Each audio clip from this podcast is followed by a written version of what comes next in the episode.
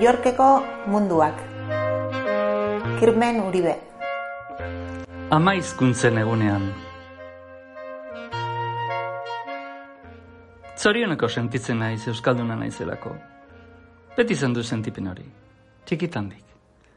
Oztopoak oztopo eta erasoak eroso, zorte honekoa gara.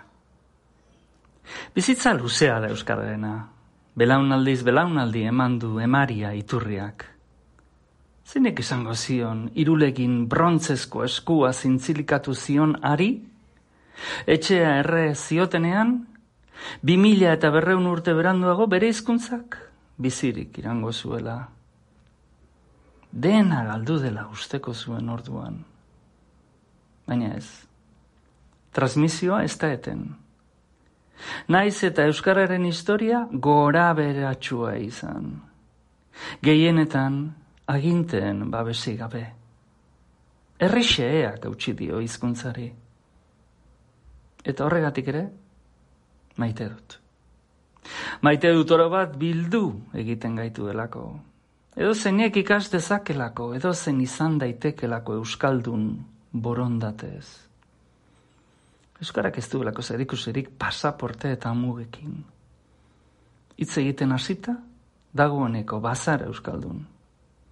Aukera ematen dizu bizitza barri beti ekiteko, bigarrenez, hasteko. Aukera, berriz, maite mintzeko. Euskarak komunitate baten parte sentiarazten hau.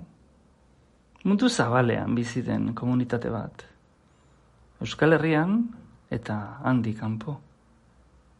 Bai, oztopoak oztopo eta erasoak eraso, zorionekoa gara. Pentsa, Euskara bezalako hizkuntza batean hitz egiten duenak mundua bera hobetzen du.